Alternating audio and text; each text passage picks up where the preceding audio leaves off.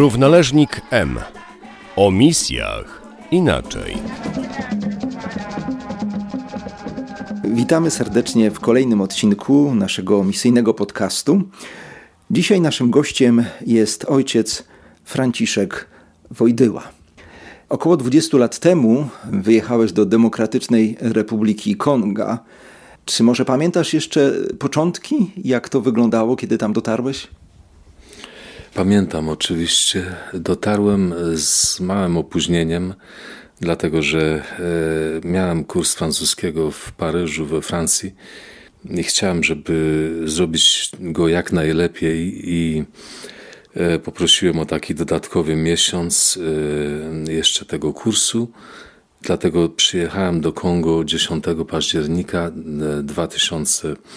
2001 roku, podczas gdy moi koledzy trzech e, z różnych stron świata, jeden Indyjczyk, drugi Zambijczyk, trzeci Filipińczyk już tam byli mieliśmy zacząć razem Kurski Kongo. Oni zaczęli go e, troszeczkę wcześniej, e, ale pomimo tego opóźnienia wydaje mi się, że z czasem udało się to wszystko nadrobić. Także pamiętam ten, ten październik 2001 roku, kiedy dotarłem E, i do Kinshasy i bardzo szybko później, cztery dni potem do miasta Bandundu, w którym miałem mój pierwszy kurs języka lokalnego, którym okazał się Kikongo.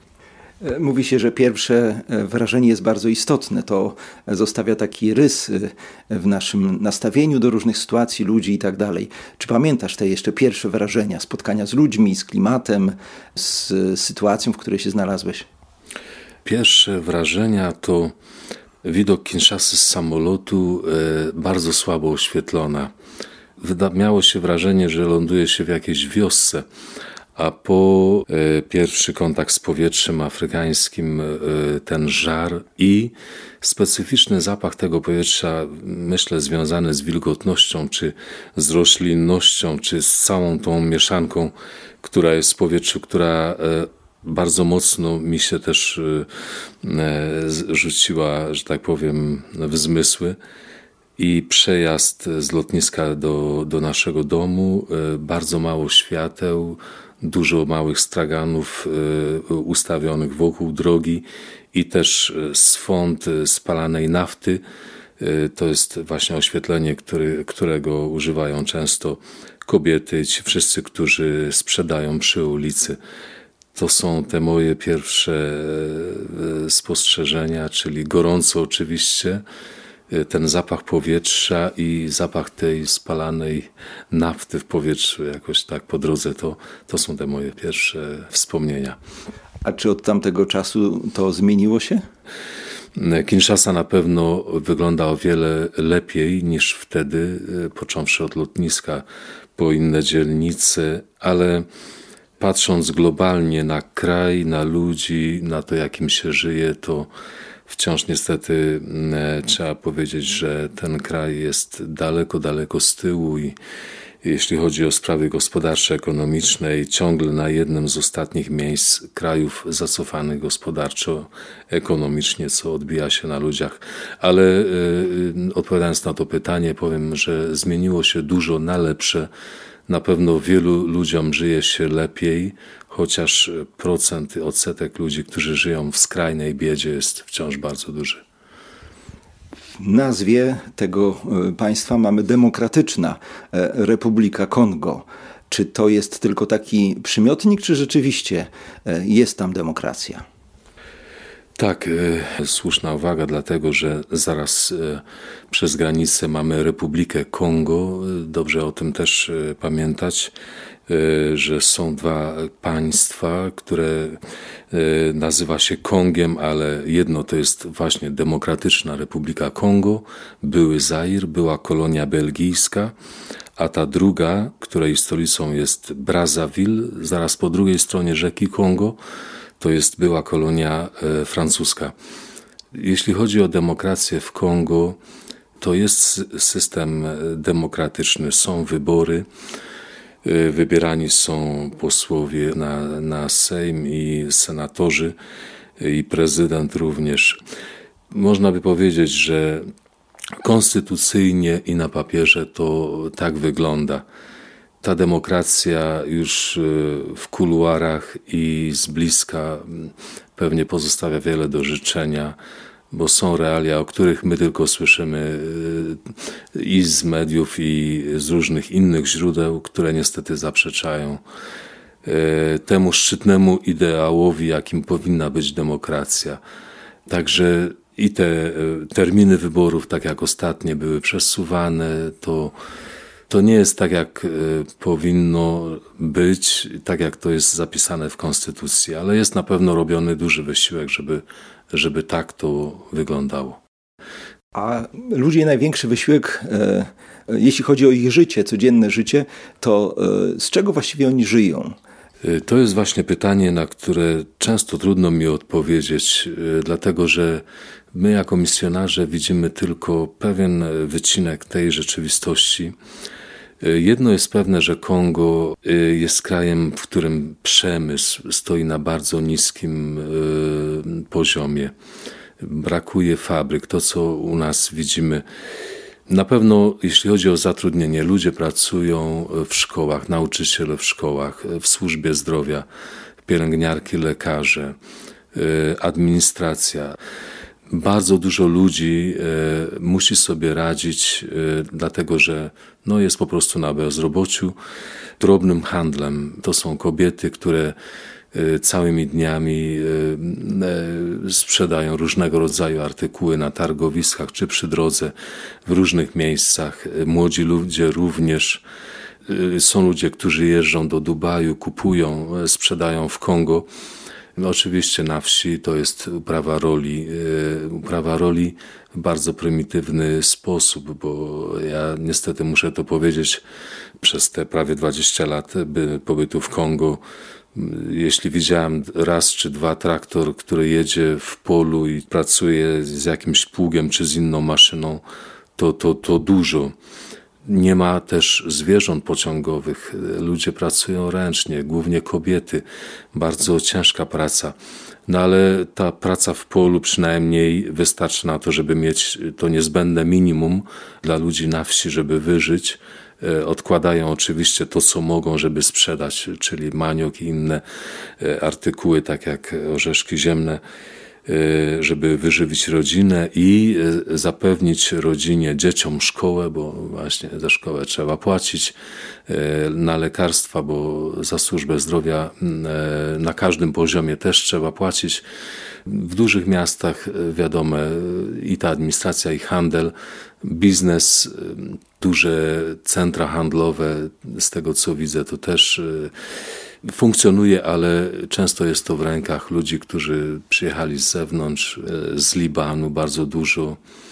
Ja często używam wyrażenia, że to, to jest walka o przeżycie, życie z dnia na dzień, nawet przechowywanie żywności. Ludzie nawet często nie mają lodówek czy zamrażalek, dlatego że kupują z dnia na dzień, żeby tylko wystarczyło na dzisiaj, jutro zaopatrują się w kolejne rzeczy, żeby coś ugotować i żeby przeżyć.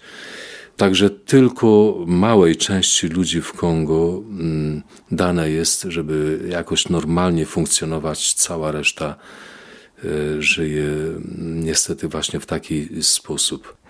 A przejdźmy do Twojej pracy. E, przez ten cały czas pobytu w Kongo e, właściwie pracujesz w duszpasterstwie. I gdyby taki przeciętny, powiedzmy, ksiądz polski albo wierny pojechał tam e, na jedną z parafii, gdzie, gdzie pracujesz, co go na początku by najbardziej może zaskoczyło? Zaskoczyłoby go na pewno pozytywnie uczestnictwo ludzi e, w liturgii i w codziennych mszach świętych. To jest e, obraz, który ja nawet e, wykorzystuję jako przykład, będąc czy to w Polsce, czy w innych miejscach, dając tych ludzi w Kongo za wzór przywiązania do Eucharystii. Ludzie przychodzą na mszę świętą, rozumieją wartość e, mszy świętej. Czasem z pewnością, w pewnym stopniu wiąże się to też z całą tą otoczką wyznaniową w Kongo, czyli wierzenia w różnego rodzaju czary i przeświadczenie, przekonanie, że czary szkodzą, ludzie, którzy się obrzucają zaklęciami czy, czy fetyszami i czy podkładają te fetysze. Mm, ludzie są przekonani, że to jest rzeczywiście nie, niebezpieczne, groźne od strony duchowej i y, wiedzą, gdzie tej ucieczki szukać w kościele, w Wemszy Świętej, y, w Różańcu, y, co mnie bardzo pozytywnie zbudowało w mojej parafii teraz w Bandundu, kiedy zaproponowałem, żeby różaniec był odmawiany jeszcze przed mszą świętą, która zaczyna się za, za 10 szósta, spotkałem się z bardzo pozytywną reakcją ludzie zgodzili się na jedną część różańca przed mszą świętą, a nawet jeszcze na koronkę miłosierdzia przed mszą świętą. Także jest grupa ludzi, która zaczyna się modlić już tak 15 po piątej, żeby zakończyć tą koronkę do miłosierdzia i jedną część różańca i żeby rozpocząć mszę świętą za 10 szósta. Także dla mnie jako misjonarza z Polski ten widok jest bardzo budujący i to cieszy, to nas, to nas bardzo, bardzo buduje i raduje. Y, widok tych ludzi, którzy, którzy przychodzą, jeśli tutaj w Polsce mamy w świadomości ten obraz, że msza codzienna to zaledwie kilka osób, starszych pań, które uczestniczą we mszy świętej, tam jest inaczej, jest nawet sporo młodych ludzi, którzy przychodzą, budzą się o wiele wcześniej, żeby zacząć dzień od mszy i potem e, iść czy do pracy, czy do szkoły, czy do innych zajęć. Ale czy ta ich frekwencja dotyczy e, tych środowisk wiejskich, czy tu także e, w dużych miastach jest podobnie? W dużych miastach, tutaj mogę dać przykład tylko Kinshasy, gdzie pracowałem 10 lat, jest jeszcze lepiej pod tym względem co mnie bardzo zdziwiło, że ci ludzie, wydawałoby się ludzie z miasta, czyli y, inteligencja i tak dalej, w pewnej, tak jak my to sobie wyobrażamy, i tam też tak jest na pewno, tych ludzi jest jeszcze więcej. Y, na wioskach ci ludzie muszą też, nie wszyscy mogą przyjść ze względu na to, że jest gorąco i część z ludzi wcześniej wychodzą w pole, żeby uniknąć tego skwaru ale w dużych miastach, w Kinszasie, naprawdę kościoły, można by powiedzieć, że są prawie że pełne na codziennych mszach świętych, począwszy od poniedziałku aż do, aż do niedzieli. I, I po czasie zrozumiałem, że ci ludzie też bardzo rozumieją i bardzo słusznie zresztą, żeby się chronić przed złem w wydaniu afrykańskim y, pochodzącym z różnego rodzaju praktyk magicznych, tak jak wspomniałem, fetyszyzm, y, zaklęcia i tak dalej, i tak czarna magia. Oni wiedzą, że ratunek jest w Chrystusie i że ten ratunek znajdziemy przede wszystkim we mszy świętej i w różańcu. I to jest y, coś, co uważam za ogromną wartość i i ludzie e, myślę, że też e, dawaliby, daliby świadectwa tego, że to im bardzo pomaga. No właśnie, wspominasz tutaj o, o czarach, o czarnej magii, o fetyszach i tak dalej. No to jest trochę zdumiewające, myślę, że kiedy, kiedy słuchamy o tym w XXI wieku, E, że takie rzeczy e, wciąż są aktualne i tak to przenika całą ich mentalność. Nie jesteś jedynym, który nam o tym mówi. Afryka jakby jest wciąż dotknięta tym, e, tym zjawiskiem. Skąd to się bierze i co właściwie można z tym zrobić?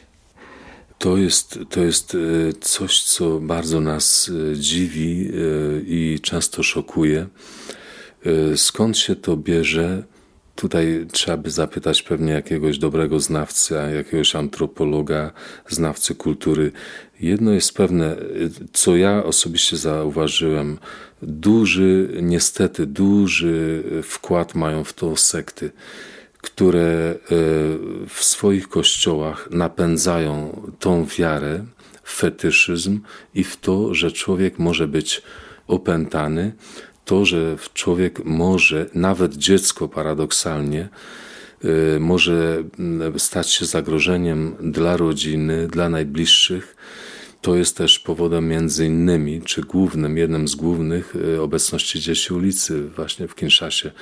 Tu jestem pewien, że sekty bardzo mocno na tym bazują, dlatego że e, z tego się robi biznes. Ja jestem w stanie podać konkretne przykłady e, na, na dzieciach, które znam, które padły ofiarą czegoś takiego i wiem, że chodzi o pieniądze. W przypadku na przykład jednego dziecka, e, to jest niestety bardzo tragiczna historia. Ja, ja, o tym często mówię. Dwóch dziewczynek, sióstr, które zostały oskarżone właśnie o, o, o te czary pod nieobecność ich matki y, przez ciocię.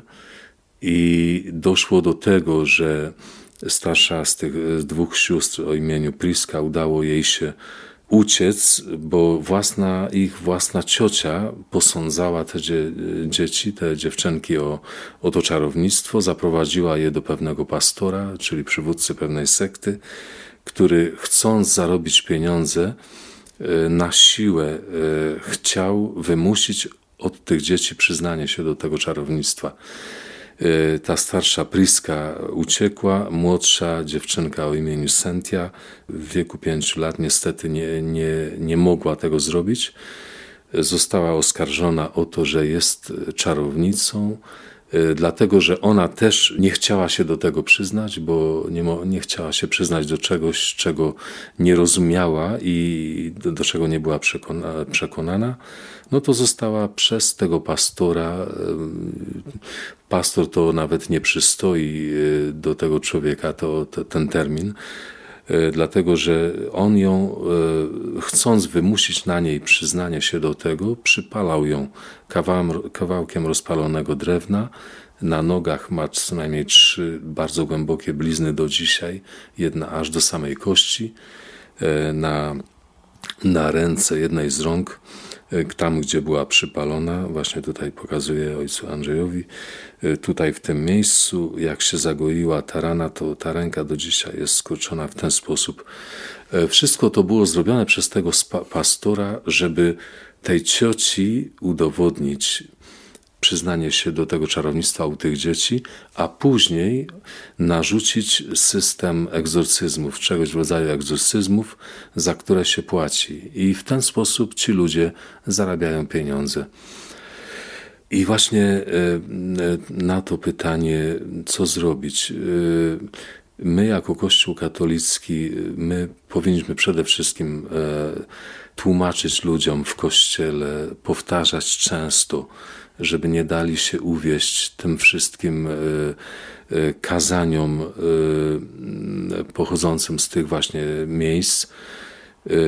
I robić to, co możemy w, naszej kwestii, żeby tym dzieciom też pomagać, pomagać konkretnie, bo w przypadku tego dziecka ona znalazła się, ta dziewczynka na ulicy, później została totalnie odrzucona też przez rodzinę dzięki Bogu została przygarnięta przez y, werbistowskie dzieło pomocy dzieciom ulicy w Kinszasie o nazwie Orper, y, które pomaga co najmniej setce różnych dzieci. Y, są dziewczynki, które mieszkają w naszych ośrodkach, są dzieci, które tylko dochodzą.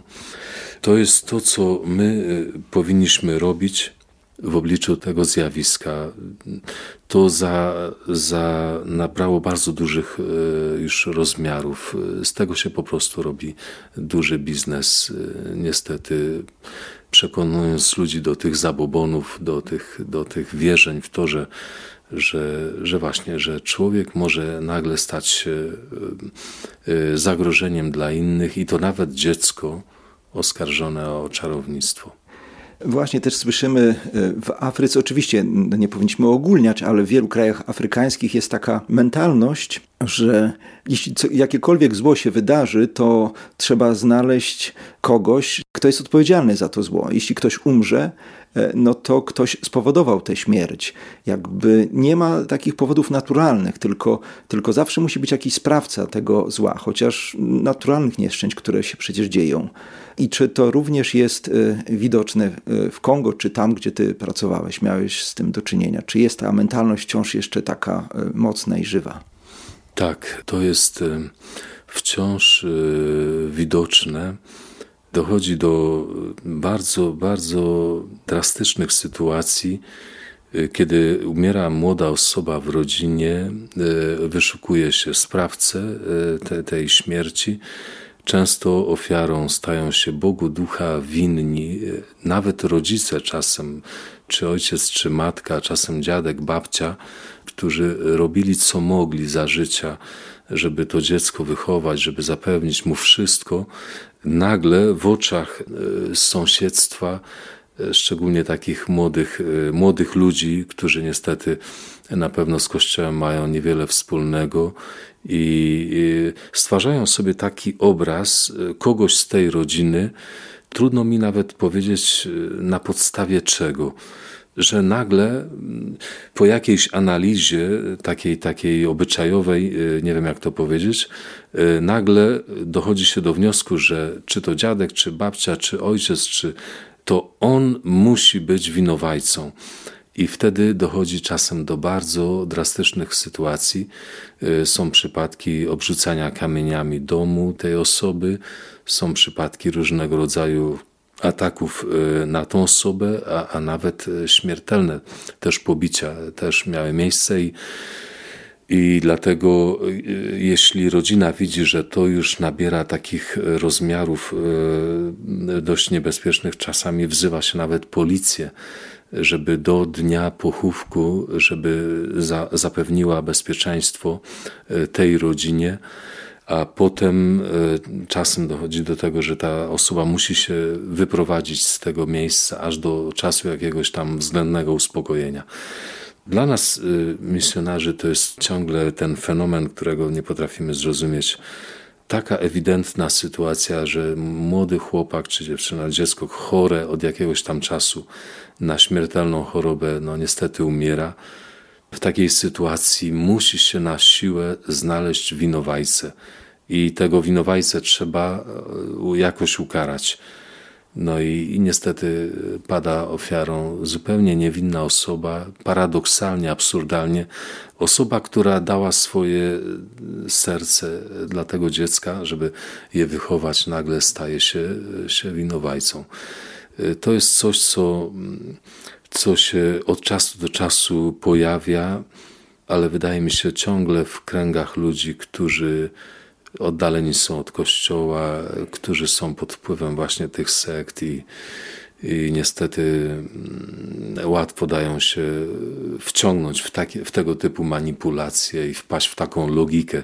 To wszystko jest na poziomie pewnych, pewnego wierzenia, pewnego wyobrażenia w sferze duchowej i niestety to się czasem kończy dość tragicznie.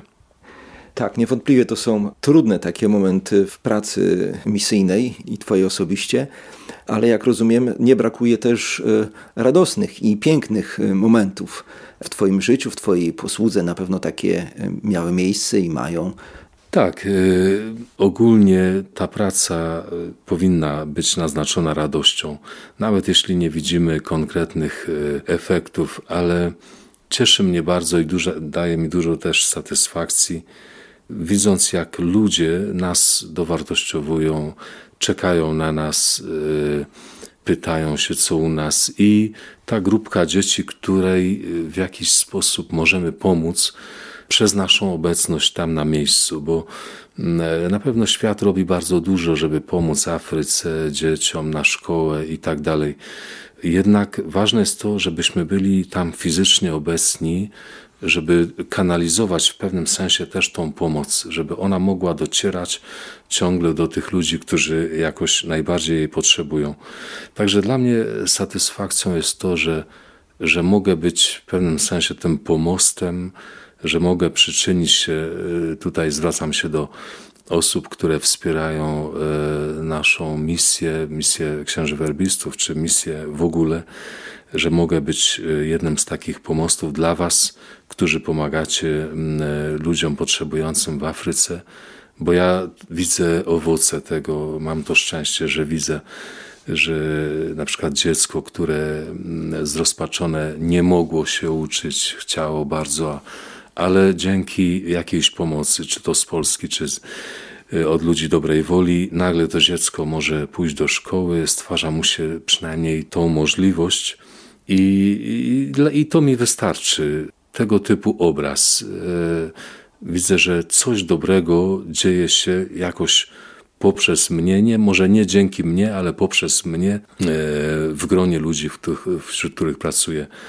Oczywiście głoszenie dobrej nowiny, sam fakt to jest też powodem do radości, chociaż wiem, że to zależy nie tylko od nas, ale też od, od samego Boga, od Ducha Świętego. Także ja to tak, tak widzę. Na pewno jest dużo takich drobnych wydarzeń, które dostarczają nam na co dzień radości, ale te związane przede wszystkim e, z tymi osobami, które najbardziej potrzebują pomocy, czyli dziećmi, jeśli e, my możemy im w jakiś sposób nieść pomoc oprócz Ewangelii, w pewnym sensie ratować ich życie, ich los, ich przyszłość.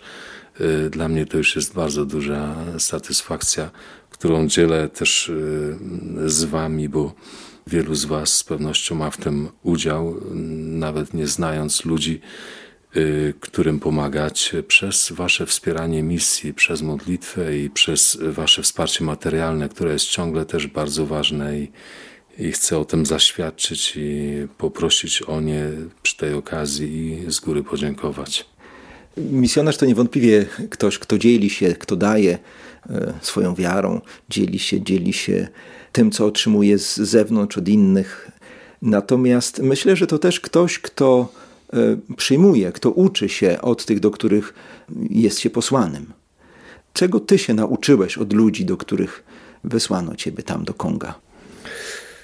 Widząc ich, e, którzy mają tak mało, a potrafią być radośni, czasem e, sobie myślę, czemu tak naprawdę my nie możemy mieć tej radości i można ją odnaleźć nie szukając wielkich rzeczy w życiu, ciesząc się tym, co się ma, bo ci ludzie tak właśnie żyją. Także jeśli miałbym odpowiedzieć na to pytanie, to powiedziałbym tak, że być może się nauczyłem cieszyć się z tego, co mam, nie wymagać za dużo od losu, od Pana Boga, być też pokornym, bo to, na co ja mogę się skarżyć w moim życiu, jest niczym w porównaniu do, do ogromu dramatów y, ludzi, którzy są obok mnie i oni mają te problemy, a potrafią się cieszyć i żyć radością.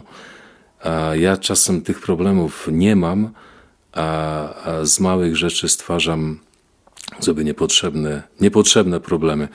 Także powiedziałbym w ten sposób. Yy, że życie tam pomogło mi nauczyć się, chociaż trochę wydaje mi się, e, cieszyć się e, z małych rzeczy i z obecności drugiego człowieka, którego Pan Bóg stawia na drodze mojego życia. Za chwilę wracasz e, do Kongo. Byłeś tu w Polsce z powodów zdrowotnych rok czasu. I jak myślisz, co tam zastaniesz? Co cię tam czeka? Czego się spodziewasz za te kilka dni, kiedy wylądujesz znowu tam? Spodziewam się, jeśli chodzi o, o ludzi, na pewno radosnego przyjęcia. Byłem z nimi w kontakcie y, przez ten czas, kiedy byłem tutaj w Polsce, rok czasu, i wiem, że, że czekali tam na mnie. Mój przyjazd tam, y, myślę, że będzie dla nich też pewnym uspokojeniem, bo w przypadku tej parafii, w której pracuję, y, w ostatnim czasie doszło do wielu zmian proboszczów z różnych powodów. Czasem po roku czasu była zmiana, e, dlatego że nasz stan personalny w Kongo do tego się też przyczynił. I ludzie wielokrotnie wyrażali mm, taką, taką nadzieję, że żeby proboszcz, który e, został mianowany w moim przypadku w 2017 roku, żeby w końcu mógł tam popracować jakiś czas, żeby nie było znowuż powtórki z tego, co było parę lat wcześniej, że rok czasu jeden, potem przyjeżdża następny, znowuż zmiana Ludzie w przypadku proboszcza potrzebują zwykłej, e, zwykłej stabilizacji, że jest proboszcz, który jest z nimi, jest pewna ciągłość e, pracy e, czy planowania pastoralnego. Nie ukrywam też i nie dziwię się też ludziom, że widząc mnie jeszcze jako Europejczyka, chcieliby, żeby pewne marzenia związane y, z rozbudową parafii mogły się zrealizować, bo wiadomo, niektóre, niektóre sprawy też zależą od pieniędzy. Ale tutaj wydaje mi się, że razem z parafianami udało nam się też już wypracować taką opcję, w której oni zrozumieli, że własnymi siłami też możemy dużo zrobić.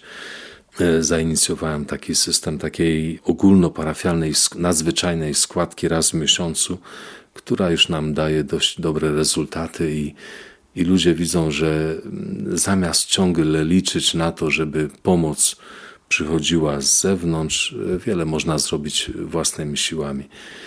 Także mm, myślę, że tak to będzie wyglądało. Nie będzie to nic y, nadzwyczajnego. Ja pamiętam powrót ojca Mariana Brudnego y, też po swoim urlopie tam do tej samej parafii. Pamiętam te, y, te dzieci. Naj, najbardziej cieszą się dzieci, bo właśnie wybiegają, witają się. Ludzie starsi też oczywiście. Ja myślę, że to jest po prostu taka zwyczajna radość tego, że, że przyjechał po prostu proboszcz nie było go jakiś czas. Ktoś oczywiście był, odprawił mszę i tak dalej. Jednak, e, jak sobie sami wyobrażamy, e, dla normalnego funkcjonowania parafii, czy to w Polsce, czy gdziekolwiek indziej na świecie, potrzebna jest obecność e, tego pasterza, który nazywa się proboszczem. I ważne jest to, żeby on był na miejscu żeby on był, żeby ludzie mogli się do niego zwrócić ze, ze wszystkim, co dotyczy ich życia duchowego, pastoralnego. I myślę, że ta ich radość będzie taka zwyczajna, oparta właśnie na, na, tej, na tej logice. Na pewno to jest miłe, jak się wie, że e, ktoś czeka e, i wtedy rzeczywiście milej się wraca. Więc takiego dobrego powrotu Ci życzymy i bardzo, bardzo owocnej pracy i posługi dla tamtejszych ludzi. Dziękuję bardzo za rozmowę.